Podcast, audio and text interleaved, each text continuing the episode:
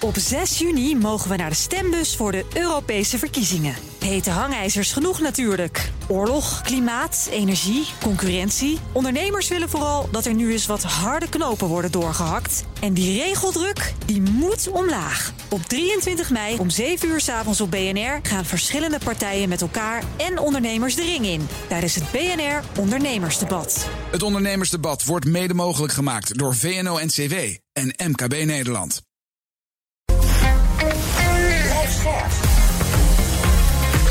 BNR Nieuwsradio. The Big Five. Art Rooijakkers. Vanwege hardnekkige stemproblemen deed ik dit jaar een stap terug en viel letterlijk en figuurlijk stil. Na een traject van maanden ben ik nu hersteld en mag ik mijn eerste Big Five weken aftrappen. En dat met een toepasselijk thema: vallen en opstaan. Ik ga in gesprek met gasten die, net als ik, te maken kregen met tegenslag. Ieder op zijn of haar eigen manier. Welke lessen hebben ze geleerd en hoe krabbel je na zo'n moeilijke periode weer op? Vandaag is Bas Witvoet bij me, oprichter van technisch uitzendbureau Oranje Groep en mede-eigenaar van Eurocaps, waar ze per jaar zo'n anderhalf miljard koffiecups produceren. En zoals quote eerder dit jaar over hem kopte, vol gas Bas, hoe Witvoet van bijna failliet naar een vermogen van 69 miljoen ging. Welkom. Dankjewel, dankjewel. Voordat ik het met je ga hebben over de Oranje Groep... Ik intro. graag- ja, wil ik graag eerst twee dingen van je weten.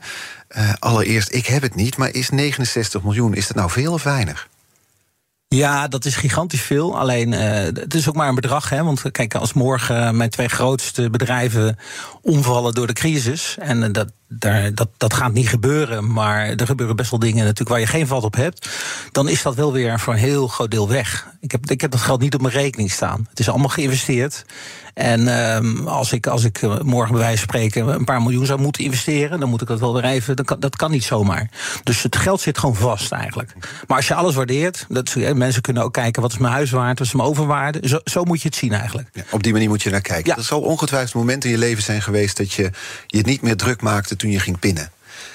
Als student kennen we dat allemaal. Ook als je begint met werken, red ik het tot het einde Eh, van de maand. Voor mij wel een tijdje geduurd hoor. Ja. Ja. Is, dat, is dat misschien een groter gevoel van vrijheid... dan zo'n bedrag als dit? Eh, ja, ja, dat is natuurlijk heel fijn. Eh, ja, denk het wel. Omdat dit dan, zoals je zegt, het zit ook een, op andere manier. Het is niet zo dat je dagelijks naar je, naar je bankafschrift. Nee, dat, dat bedrag daar. eh, kijk, eh, uiteindelijk, eh, dat bedrag is naar boven gekomen. Natuurlijk, kijk, op het moment dat je weer een beetje in de schijnwerper stapt hè, met Dragons, dan, dan krijg je. Ja, ook met Dragons en Dragons Precies, dat nu Dragons Fireplay wordt ja, en dan, dan gaan ze natuurlijk ook stukken over je schrijven. En dan moet je eigenlijk je aangeven wat je waard bent. Dat had ik voor die tijd nooit gedaan. Dat wilde ik ook eigenlijk liever niet. Maar ja, als je A zegt, moet je B zeggen. Mhm. En dat is dan wat, wat bij mensen ook blijft hangen natuurlijk. Eh, maar dat is maar een bedrag. Ik, eh, als ik het eh, morgen zou willen hebben op mijn rekening, dan is het er niet. Gaat niet lukken. Sterker nog, dan is het de helft. Want dan zeggen mensen, ja, je wil je bedrijf verkopen. Dan geef je de helft. Ja. De tweede vraag voor je waarmee ik wil beginnen is wat nou het beste advies is dat iemand jou ooit heeft gegeven toen je bedrijf bijna failliet was, toen je diep in de put zat. Ehm, ja, ik denk dat ongevraagd, eh, ongevraagd zijn er een aantal mensen geweest die mij het, eh, het, eh, een advies hebben gegeven. Waarop ik eigenlijk ageerde. Mensen zeiden: joh, misschien moet je maar je verlies nemen. Misschien moet je er maar mee stoppen. En dat heeft mij eigenlijk alleen maar. ik, daar werd ik een beetje opstandig van. en ik heb precies het tegenovergestelde gedaan. Advies in de wind geslagen. Ik heb wel advies in de wind geslagen, ja. ja dat zou ik nu minder doen, denk ik. Maar toen had ik zoiets van: nee, nee, we gaan door. Ja. Je bent nu net, net boven de 50, toen was je nog wat jonger en wat eh, eigenwijzer. Ja, veel. eh, veel eh, nou, misschien niet eigenwijze, maar wel. Ik, ik had gewoon maar één doel voor ogen. En dat is dat het bedrijf doen slagen. En niet slagen was eigenlijk was geen optie. Laten we eens naar het bedrijf kijken. De Oranje Groep. Uitzendbureau wat je oprichtte vlak voor de eeuwwisseling. Ja. Eh, ik noem het altijd een, een technisch uitzendbureau. Wat betekent dat eigenlijk? Nou, het is eigenlijk zo dat wij dus eh, op dit moment in zeven landen eh 2500 technici en, eh, en vakmensen aan de slag hebben. Moet je denken aan eh timmerlui. Dus wij hebben 600 timmerlui in dienst eh, in, in, in die landen. En daar hebben we ook eh, klanten die we bedienen. Eh, In de bouw en ook wel in de techniek. Techniek al wat eerder, denk ik. is het zo dat de grote technische bouwbedrijven en dienstverleners. die hebben op een gegeven moment hun uitvoerende mensen ontslagen. En dan zijn we gaan werken met een flexibele schil. En toen zijn de, de vaklui eigenlijk naar partijen gekomen zoals ik.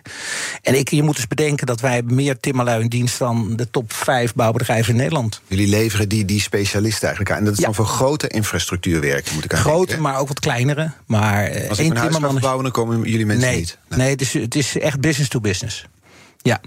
En dus de aannemer voert dan het project uit en jullie leveren daar de mensen voor. Kun je een schets geven hoe jullie er nu voor staan met de Oranje Groep? Omzet, landen, je zei al zeven landen actief. Ja, zeven landen actief. Dus we zijn begonnen in, eh, in Nederland natuurlijk. En toen hebben we daarna eh, waren we het eerste uitzendbureau wat in België een uitzendvergunning eh, behaalde. Dat is eh 15 jaar geleden of zoiets. Dat had wel wat voet in aarde. Eh, en toen zijn we eigenlijk eh, uitgestapt richting Kroatië als eerste land. Terwijl iedereen eigenlijk naar Polen ging, zijn wij naar Kroatië gegaan. Omdat we een aantal, zelfs een aandeelhouder hadden die daar vandaan kwam. Dus die kon daar de zaken oppakken. Dus je moet daar lokaal natuurlijk wel ook iets bouwen en omzet maken.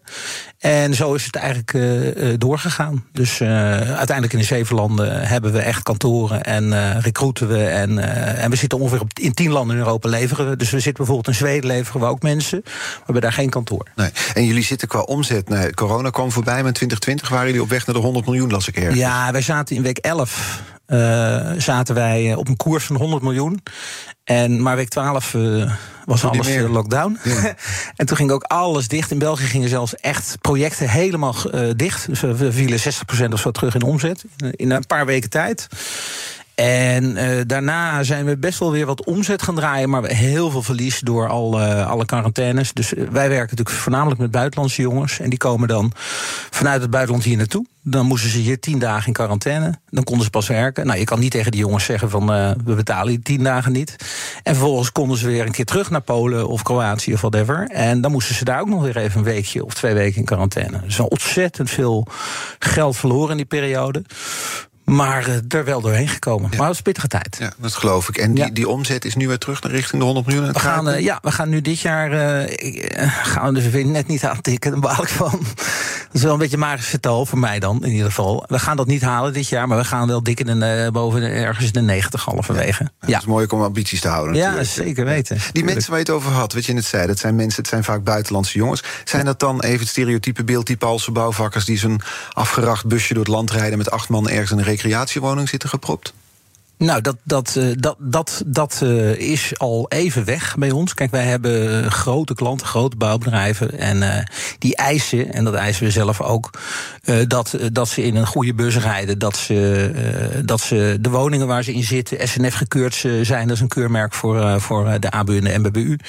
Eh, en die jongens eh, tegenwoordig, ja, eh, je kan ze in een slechte woning zetten. Of je kan ze eh, in een oude bus zetten. Maar dan zijn ze de week daarna weer weg. Hè, of je kan ze. personeelstekort, ze kunnen overal terecht. Ze kunnen overal terecht. En dat is eigenlijk al best wel heel lang gaande. Structureel is er gewoon een groot tekort. Dus eh, mensen op twee man op een kamer. Nou, met een vader en een zoon vinden ze dat soms. Maar het is allemaal, eh, het is allemaal wel echt goed geregeld. Dus de, de excessen waar jij op doelt, dat zijn. eh, ja, dat gebeurt in mijn branche. Met de klanten die ik heb, niet meer. Wat is het, het, het grootste dilemma op dit moment, of de grootste uitdaging voor jullie? Want je had het over personeelstekort, dat lijkt me lastig ook in die Ja, nou, mijn, mijn allergrootste uitdaging op dit moment is aan mijn klanten uitleggen dat eh, volgend jaar de tarieven 15% omhoog moeten. En misschien wel meer.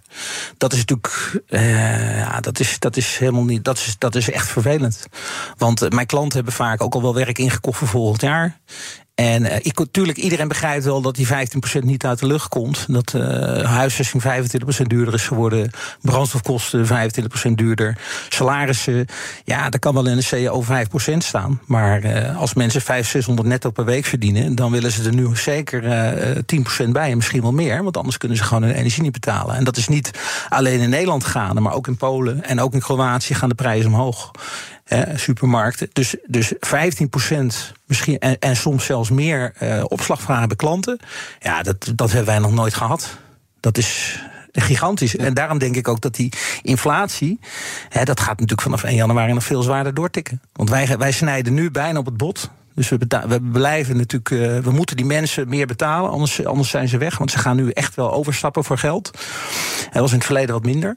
Uh, maar we, om ze te behouden en ook de klanten te kunnen bedienen, moet je dus dat tarief omhoog gooien. Ja, ja, dus denk je dat gaat vanaf 1 januari nog meer toenemen? Bedoel je? Tuurlijk, want als wij onze tarief, kijk, wij hebben nu uh, vragen we 35 euro en dan moet het straks moet dat naar 40 euro of 42 euro, whatever. Maar daar, daar gaan mensen iets van merken. Mm -hmm. ik denk dat er heel veel partijen zijn die een jaarcontract hebben om iets te leveren, of het nou een product of een dienst is. Maar dan van 1 januari kunnen we er wat aan doen. Dus moet die inflatie gewoon een enorme stijging gaan maken, nog vanaf 1 januari. The Big Five. Art Rojakkers. Met vandaag de gast Bas Witvoet, oprichter van de Oranje Groep, mede-eigenaar van Eurocaps, van de Coffee Cups. Hoeveel maak je dan ook weer per jaar? Ik noemde net. Wij, wij maken er, uh, ja, ik denk wel uh, anderhalf miljard. Ja. ja, echt wel die orde van grootte is. Ja, zei hij terwijl hij een slok koffie nam. Valt me dan ja. op, hè? Ja.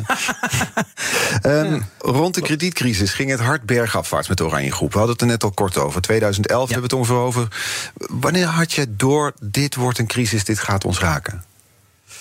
Uh, ja, ik, wat betreft ondernemen was ik in die tijd wel echt een beetje de Chinees die geen Amerikaans sprak en in New York uh, uh, zat en niet door had dat het een dikke crisis was. Ik was gewoon lekker aan het stampen -huh. en ik keek niet zoveel naar mijn concurrenten. ik, ik, ik ik was gewoon mensen aan het plaatsen en daar ging heel veel energie in. En uh, ik dacht, wij zaten vaak ook vrijdag nog uh, om 8 uur, 8 uur, 9 uur s'avonds waren we nog mensen aan het plaatsen. Of zaterdag.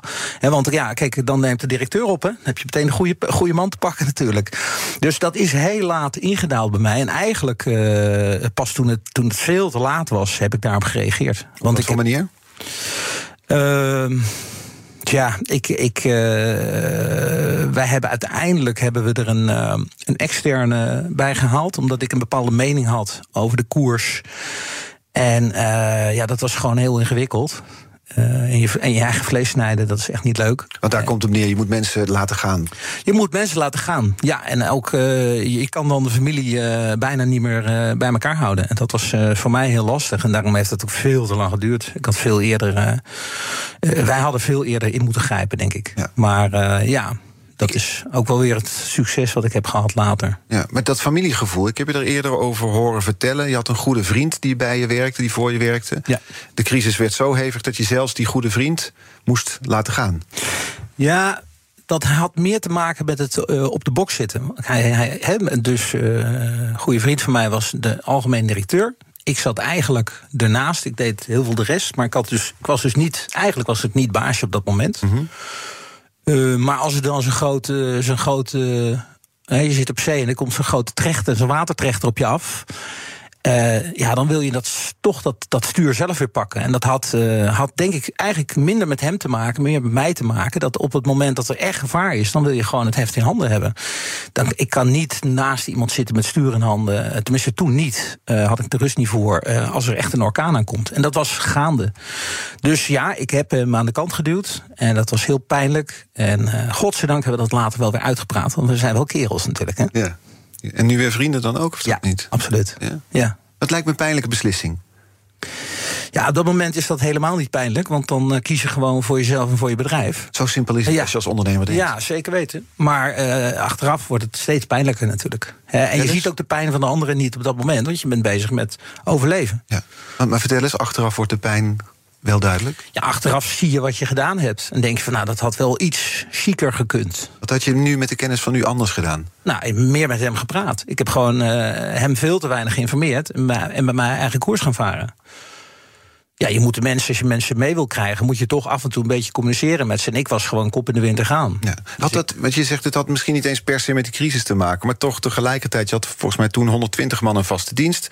Ja. Hoeveel geld verloren jullie op dat moment per maand? Nou ja, een timmerman was toen, uh, was dat gewoon uh, 25.000 1000 euro per week per timmerman, dus 100.000 per week verloren. Vloog eruit.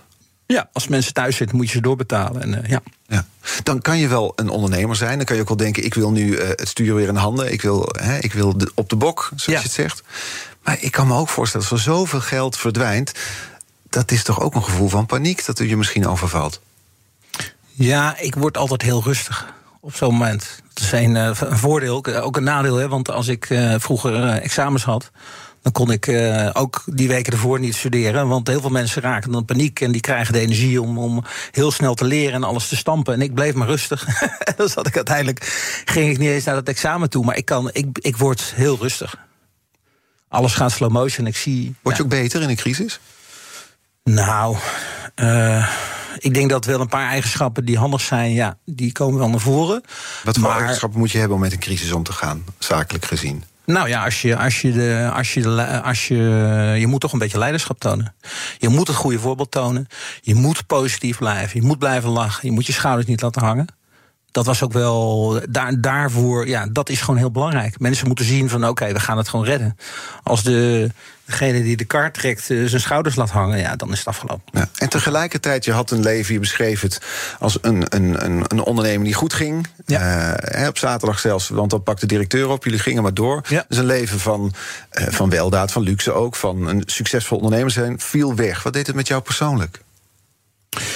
Uh, nou, dat, dat ik. Uh, kijk, ik zat. Uh, toen de crisis echt toesloeg, zat ik inderdaad op het hoogtepunt van mijn uitgavenpatroon.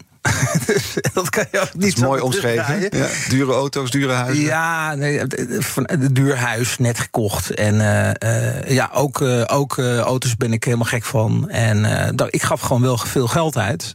ik smeed het niet over de balk, maar gaf wel mhm. geld uit. En dan komt die crisis. Dus en dan komt de crisis. En ja, eigenlijk, dat heeft mij totaal niet geraakt. Dat ik in één keer niet meer een nieuw jasje kon kopen... of een nieuw truitje of een andere auto. Dat heeft mij absoluut niet geraakt. Nee, Nee, nee, nee. Ik zit even nee te kijken of dat nou klopt. Ik kan me dat zo moeilijk voorstellen.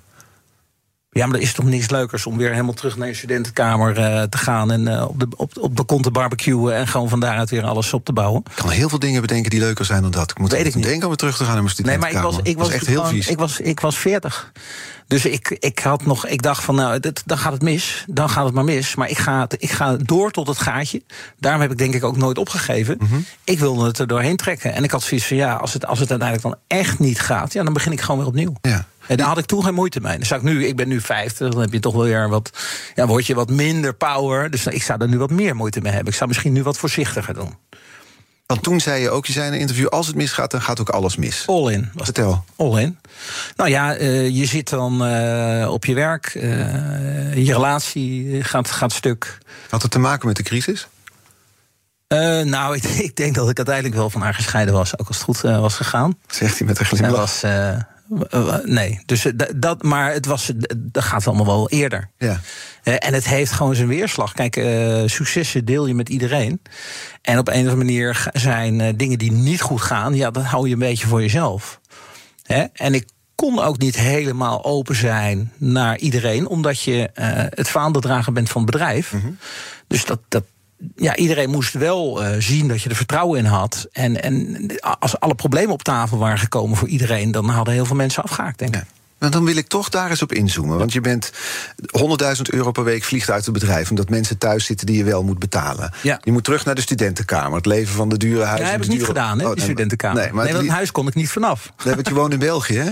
Ja, ja, en daar kon de bank niet bij? Nee, ja, eh, dat was gefinancierd in Nederland. En ik had een enorme achterstand. Ja. Maar die, uh, dat was een Nederlandse bank. En die wisten gewoon niet hoe ze dat huis uh, moesten veilen. Ja. Als het in Nederland had gestaan, dan was ik toen mijn huis verloren. Goed, nou, je staat niet zo erg geweest. Nee, maar je staat onder druk. Misschien raak je je huis wel kwijt. Je, je, relatie gaat uit. Je bent geld aan het verliezen met het bedrijf. Misschien overleeft het wel niet. En dan zeg je, hier, er is toch niks leuker dan dat? Dat geloof ik niet. Nee. Wat zijn de momenten als je de deur achter je dichttrekt dat, dat daar Bas Witvoet zat en dacht... beschrijf eens hoe jij dan erbij zat in je eentje op een donker moment. Ik heb nooit, nooit, nooit opgegeven. En ik, ik heb me opgetrokken aan hele simpele dingen. Hè. Ik, ging, uh, ik, ik kon niet slapen, dus ik ging googlen. Ik ging uh, kijken naar mooie auto's die ik nooit kon kopen. Of een mooie keuken. Of, ja, of huizen die, eh, die al helemaal onbereikbaar waren. Ik, ik ging wel...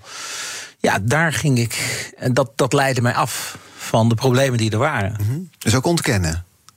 Misschien. Was je, was je bang? Was je boos? Was je verdrietig? Nee, ik was, zat echt in overleving. Je ben, ik weet niet of je dan bang of boos of verdrietig bent. Want het scenario van dat het misgaat, is, uh, dat hangt wel boven je. Maar daar kijk je helemaal niet naar. Je wil gewoon vooruit en je wil je doel halen. En je wil die tenten uit het, uh, uit het donkere stuk trekken. Mm -hmm. Dus daar. een crisisstand. Crisisverhand en uh, totaal onrealistisch, denk ik. Dus uh, hè, kans berekenen was ik vroeger goed in. Een ja. paar procent kans. Die heb ik gepakt. Die heb ik gehaald en daar heb ik ook weer geluk mee gehad. Want het had ook, hè, als wij uh, Eurocaps niet tegen waren gekomen, uh, dan, was het, uh, dan was het misschien, had het niet overleefd, denk mm -hmm. ik. Ja. En Eurocaps was ook nooit geluk zonder Oranje. Dus dat heeft elkaar weer. ja, dat gebeurde door een bijzonder toeval. Je, je schoof aan bij Pauw en Witteman. In 2011 was dat, met twee andere ondernemers. Klopt. en na die uitzending benaderde iemand jou of je wilde meedoen aan de Euro, Eurocaps. Ik zeg Eurocaps, Eurocaps. Ja, dat had toen nog geen naam. Maar hij, ik weet nog dat ik ehm, terugkwam in België. Uh, dus ik woon, ik woon net over de grens. Ik kwam vanuit Amsterdam. Uh, Is het dan en, vanwege de belasting dat je daar gaat wonen? Nee, ik ben voor de liefde naar België gegaan. En later was het wel handig voor de belasting. Liefde voor oh, oké, okay, ja. ja. Dus dat is een uh, geluk bij een ongeluk geweest. Maar ik ben nooit uh, voor het geld uh, naar België verhuisd. Mm. Nee, mm. het, het, papiertje van de verhuizing, dat, dat, daar staat niet zoveel op. Dus je, je reed terug naar België, naar je huis? En... Ik reed naar België en toen had ik in één keer... mijn wifi pakte niet bij de poort. En toen... Uh, je in België gaan wonen, hè? Wat zeg je? Moet je ook niet in België gaan wonen? Nee, eens, helemaal eens. Ja. Maar, maar toen had ik 44 LinkedIn-verzoeken. En dat was in 2011 was dat veel. Mm -hmm. Dus uh, die, ik geloof dat die uitzending was 11 uur s'avonds. Ja. En toen uh, zat daar een berichtje bij van iemand die zei van ja, ik heb een uh, koffiecupje, een producent van koffiecupjes ontdekt, Nespresso koffiecupjes. Dat was toen nog maar net. Het was niet open, maar er waren net wat andere producenten in de supermarkt lagen. Mm -hmm. En hij zei dat is een goed cupje en dat wil ik in de markt zetten. Ja. En uh, dat is. Ja. The rest is history. We komen er zo op terug. We gaan er uitgebreid nog over te spreken te komen. Dat doe ik met, uh, met Bas Witvoet. We hebben het dus ook over opkrabbelen na een crisis. En misschien wel de lessen die, die we daaruit kunnen trekken samen met hem. Morgen is trouwens Jaap Koelewijn hier te gast. Ex-hoogleraar Corporate Finance aan Nijenrode. Dus abonneer je op onze podcast via je favoriete podcastkanaal... om geen aflevering te missen. Blijf luisteren. Tot op 6 juni mogen we naar de stembus voor de Europese verkiezingen. Hete hangijzers genoeg natuurlijk. Oorlog, klimaat, energie, concurrentie. Ondernemers willen vooral dat er nu eens wat harde knopen worden doorgehakt. En die regeldruk, die moet omlaag. Op 23 mei om 7 uur s avonds op BNR gaan verschillende partijen met elkaar en ondernemers de ring in. Tijdens het BNR Ondernemersdebat. Het Ondernemersdebat wordt mede mogelijk gemaakt door VNO-NCW en MKB Nederland. Zoekt u een bijzondere reis naar Nieuw-Zeeland of Australië? Kleinschalige accommodaties, mooie natuur en op maat gemaakt naar uw wensen. Hi, ik ben Andrew Morton van Australië Nieuw-Zeeland reisspecialist Travel Essence. En onze specialisten staan nu voor u klaar.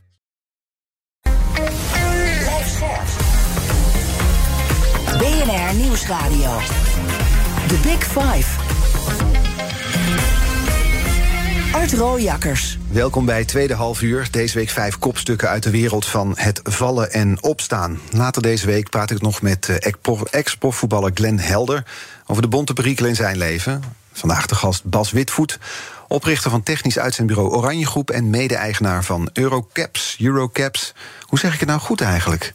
Ja, wij begonnen gewoon met Eurocaps. Eurocaps. Maar we zijn wel meteen de grens over gegaan. Ja, dus nu maken we het Eurocaps dan. Ja, komend half uur wil ik in ieder geval nog twee onderwerpen met je bespreken. Namelijk het moment dat je weer opstond en wat daar dan allemaal komt kijken bij een val. Uh, om met het laatste te beginnen. Je, je, noemde net ook al zo heel kort even die anekdote over de Rolls-Royce Phantom. Ja. Uh, die heb ik vaak ge ge gelezen en gehoord ter voorbereiding op dit gesprek tijdens die crisis was een troost voor jou om s'nachts te googelen naar bijvoorbeeld zo'n hele luxe Rolls Royce. Om jezelf maar een soort perspectief te geven. Vat ik het zo goed samen? Ja, zo moet je dat zien. Ja, dat was echt gewoon kijken naar auto's. Ik wist in alle landen wat de prijzen waren, waar ik hem dan ging halen en wat het kostte. En het is natuurlijk een, uh, een auto die veel, veel meer over de top kan het niet dan die auto. En daarom wordt die ook wel weer steeds leuker, vind ik. Maar uh, toen was het voor heel veel mensen heel serieus. En dat was gewoon echt ja, de top of de top. Mm -hmm. En dat vond ik wel mooi. Ja, en dan zat daar dus s'nachts, zit Bas Witvoet daar... terwijl zijn bedrijf, nou ja, misschien wel in het voorbestaan wordt bedreigd... te, te zoeken naar zo'n luxe auto. Ja, die luxe auto. Ik heb ook nog. Wat zegt dat verhaal?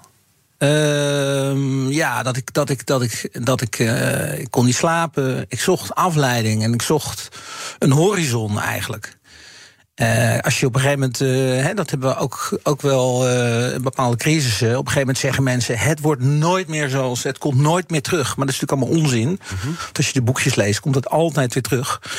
Dus die horizon die komt weer terug. Alleen die is er dan niet. En dat is heel ingewikkeld. En dat is waar mensen heel wiebelig van worden. En ik, eh, ik heb dan maar. Ik ben niet naar die horizon gaan kijken. Maar de Rolls Phantom en de Laconu keukens. En uh, alles. Ja, een beetje die kant op. Dat klinkt heel simpel. Maar dat was mijn uh, manier om, om een bepaalde horizon te krijgen. Ja. Andere mensen grijpen naar de fles. Ja, ja, nou, ik, ik dronk zeker een drankje, maar ik drink thuis eigenlijk nooit. Nee. Dat is mijn voordeel. Ja.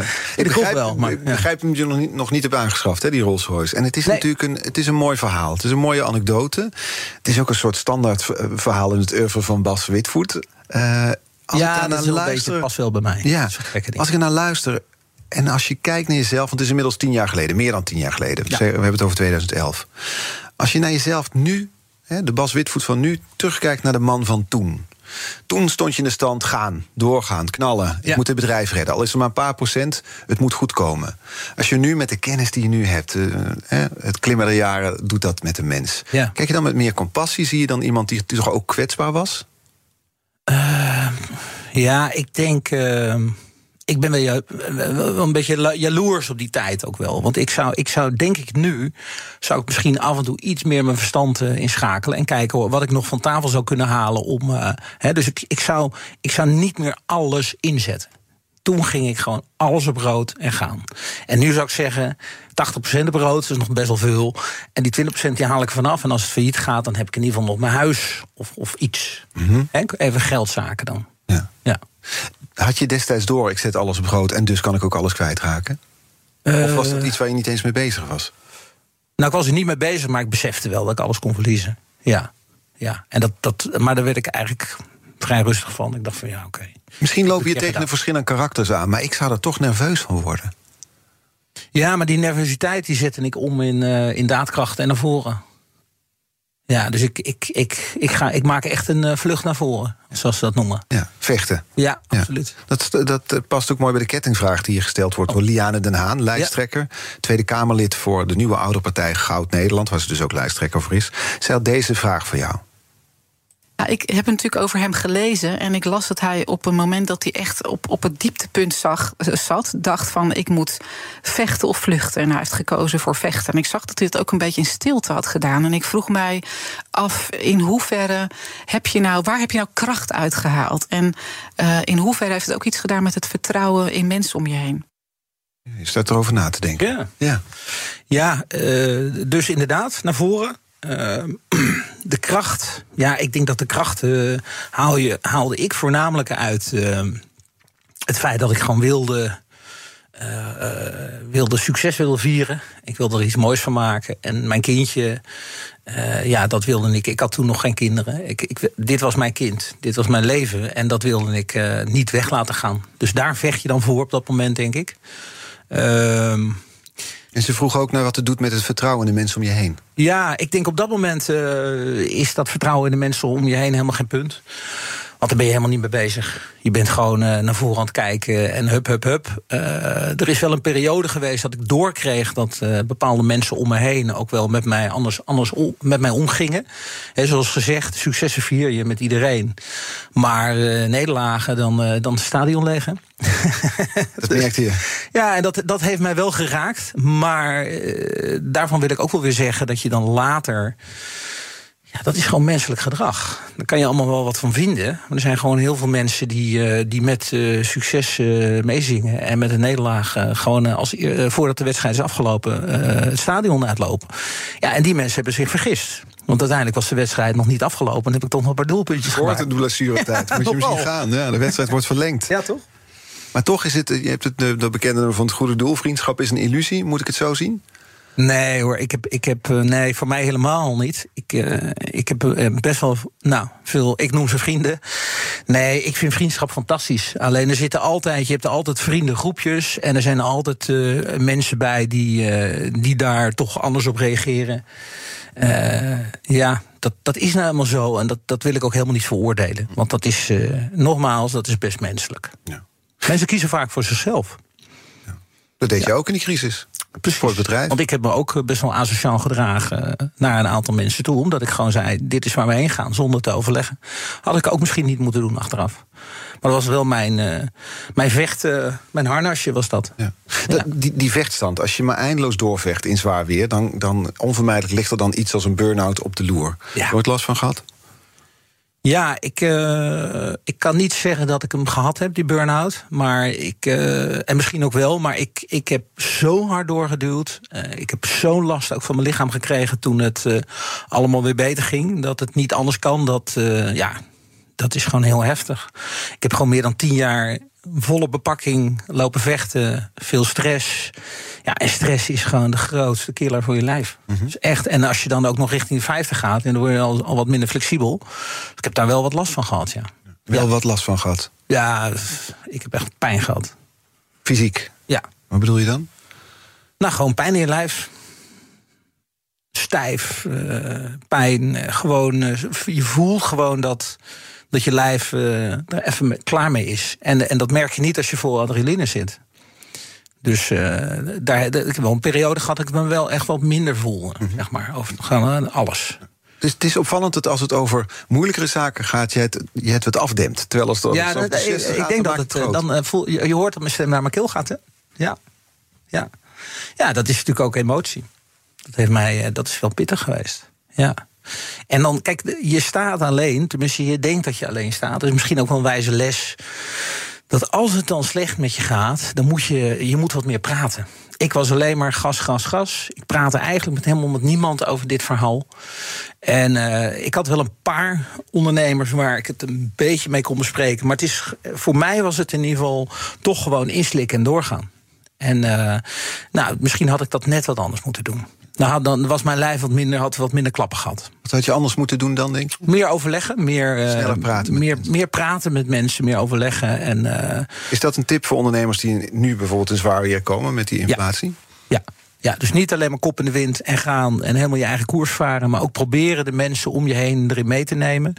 Ook niet, uh, he, je kan niet alles vertellen, denk ik. He?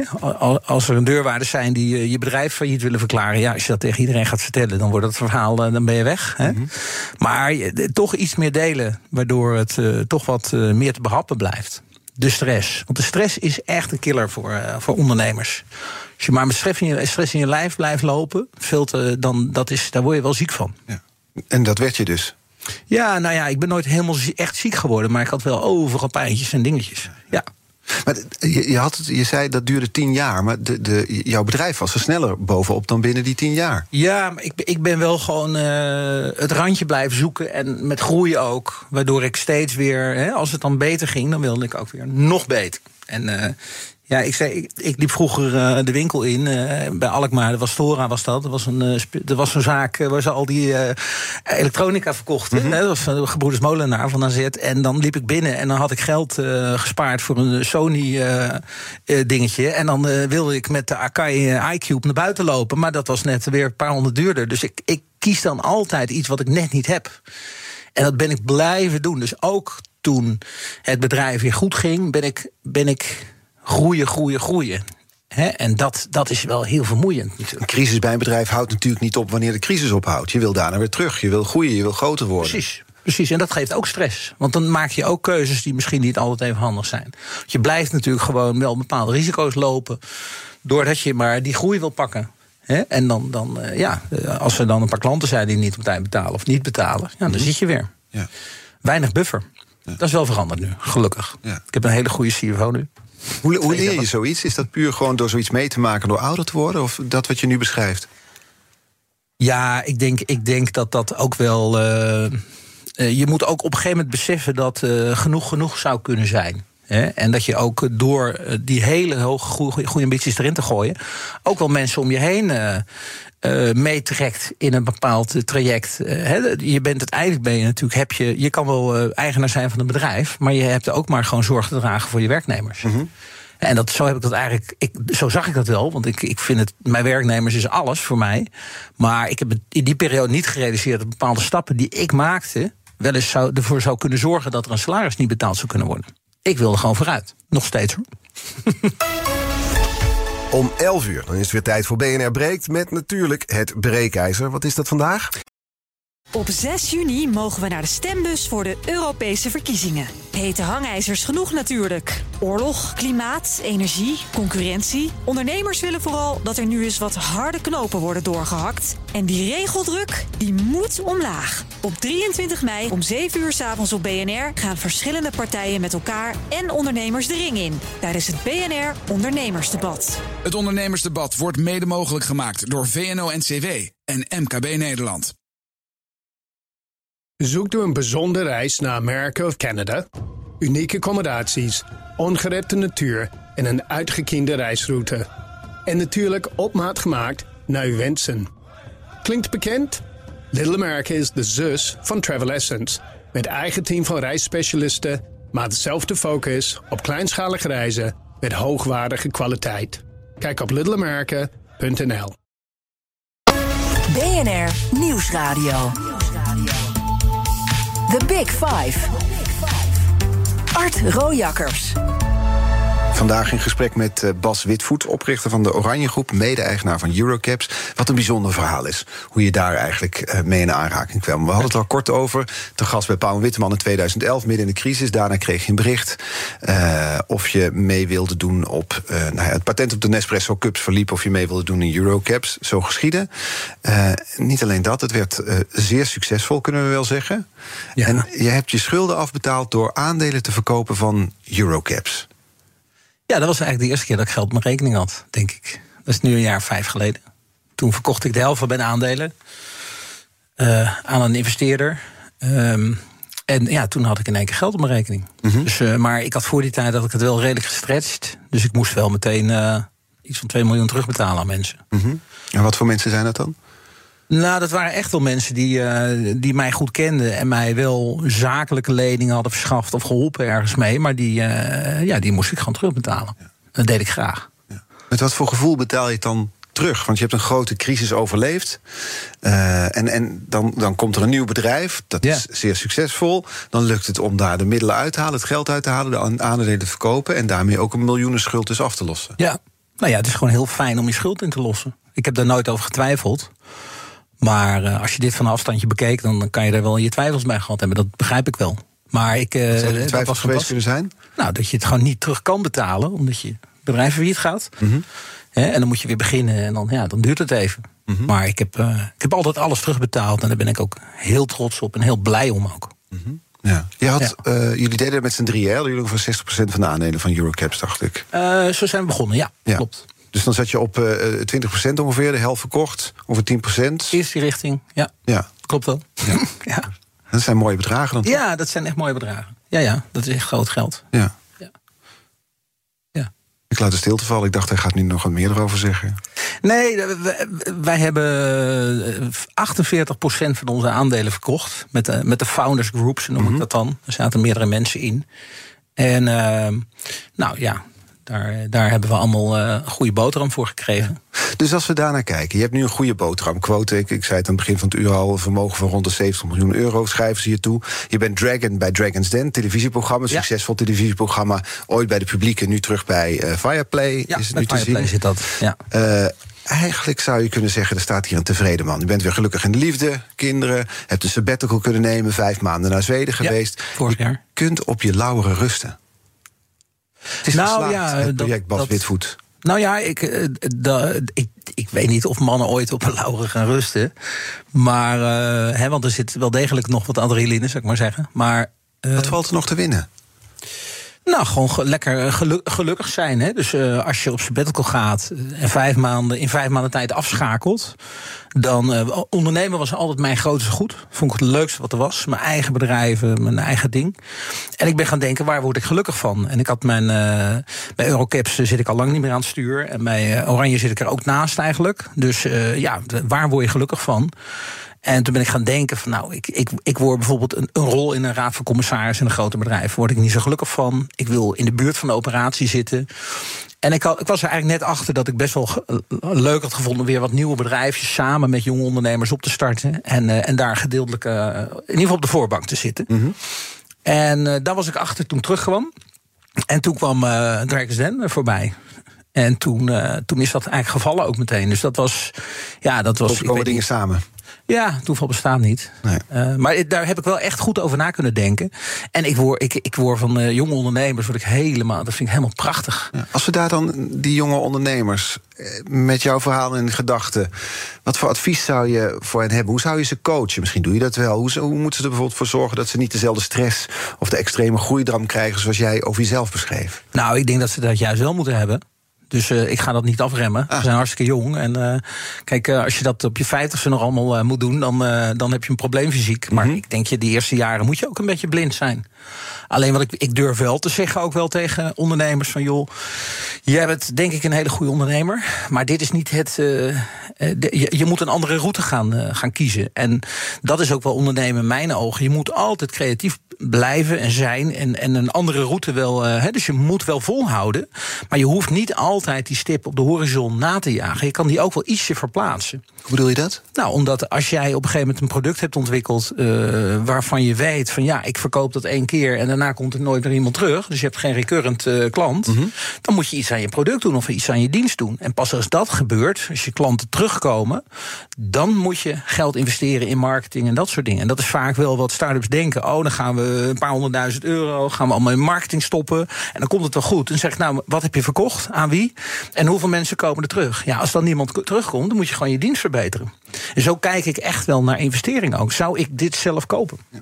En, en op persoonlijk vlak heb je het idee dat je mensen wat kunt leren? Of is het puur geluk geweest wat je hebt meegemaakt? Nee, nou kijk, ondernemers denken natuurlijk vaak dat ze goed kunnen ondernemen. He, maar dat is echt maar op dit stukje, op dat kleine stukje.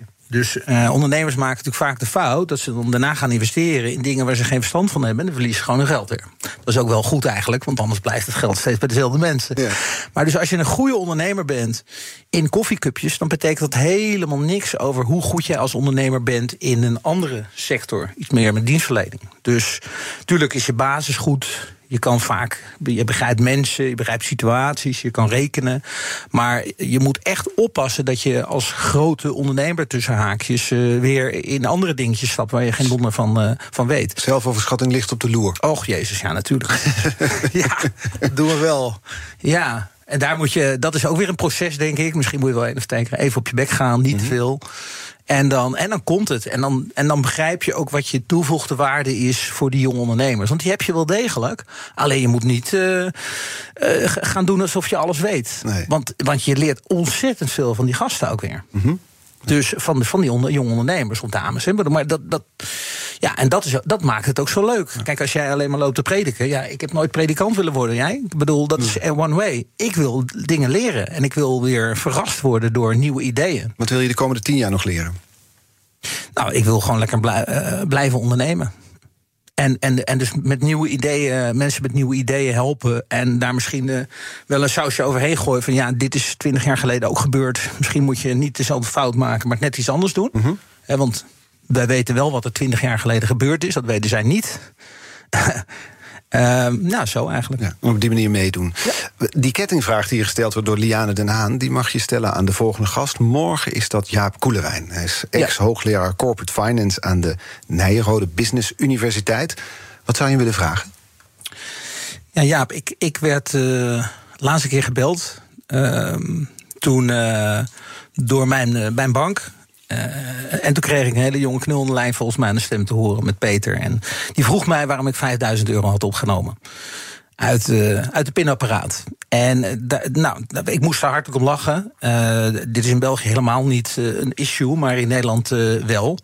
Dus, ik, ik ging op wintersport, dus dan, dan neem je wat cash mee. maar er zitten bij banken tegenwoordig hele grote compliance afdelingen. Dat is gigantisch. Ik hoor duizenden mensen, ik heb het er niet in verdiept, maar dat is gigantisch. En dat is natuurlijk eigenlijk voor de toekomst niet houdbaar. He, dus uh, nou blijkt er dus net een rechtszaak geweest te zijn van een bank die met een algoritme wil, uh, ja. wil ingrijpen. Dus en de vraag is. Uh, wat is. Wat is de route? Want kijk, de huidige, het huidige compliance verhaal is niet houdbaar. Want dan heeft elke bank een paar duizend man zitten. Wat is de route? Hoe kan je dat automatiseren? en met AI, dat eigenlijk gaan doen. We gaan het hem voorleggen morgen. Ja. Jaap Koelewijn, die te gast is morgen dus. Alle afleveringen van, uh, dat wil ik natuurlijk nog zeggen, nee. Dank, Bas Wistvoet. Geen dank, was leuk. Alle afleveringen van BNR's Big Five zijn natuurlijk terug te luisteren. Abonneer je op onze podcast via onze app of je favoriete podcastkanaal om geen aflevering te hoeven missen. Tot morgen. Op 6 juni mogen we naar de stembus voor de Europese verkiezingen. Hete hangijzers genoeg natuurlijk. Oorlog, klimaat, energie, concurrentie. Ondernemers willen vooral dat er nu eens wat harde knopen worden doorgehakt. En die regeldruk, die moet omlaag. Op 23 mei om 7 uur s avonds op BNR gaan verschillende partijen met elkaar en ondernemers de ring in. Tijdens het BNR Ondernemersdebat. Het ondernemersdebat wordt mede mogelijk gemaakt door VNO-NCW en MKB Nederland.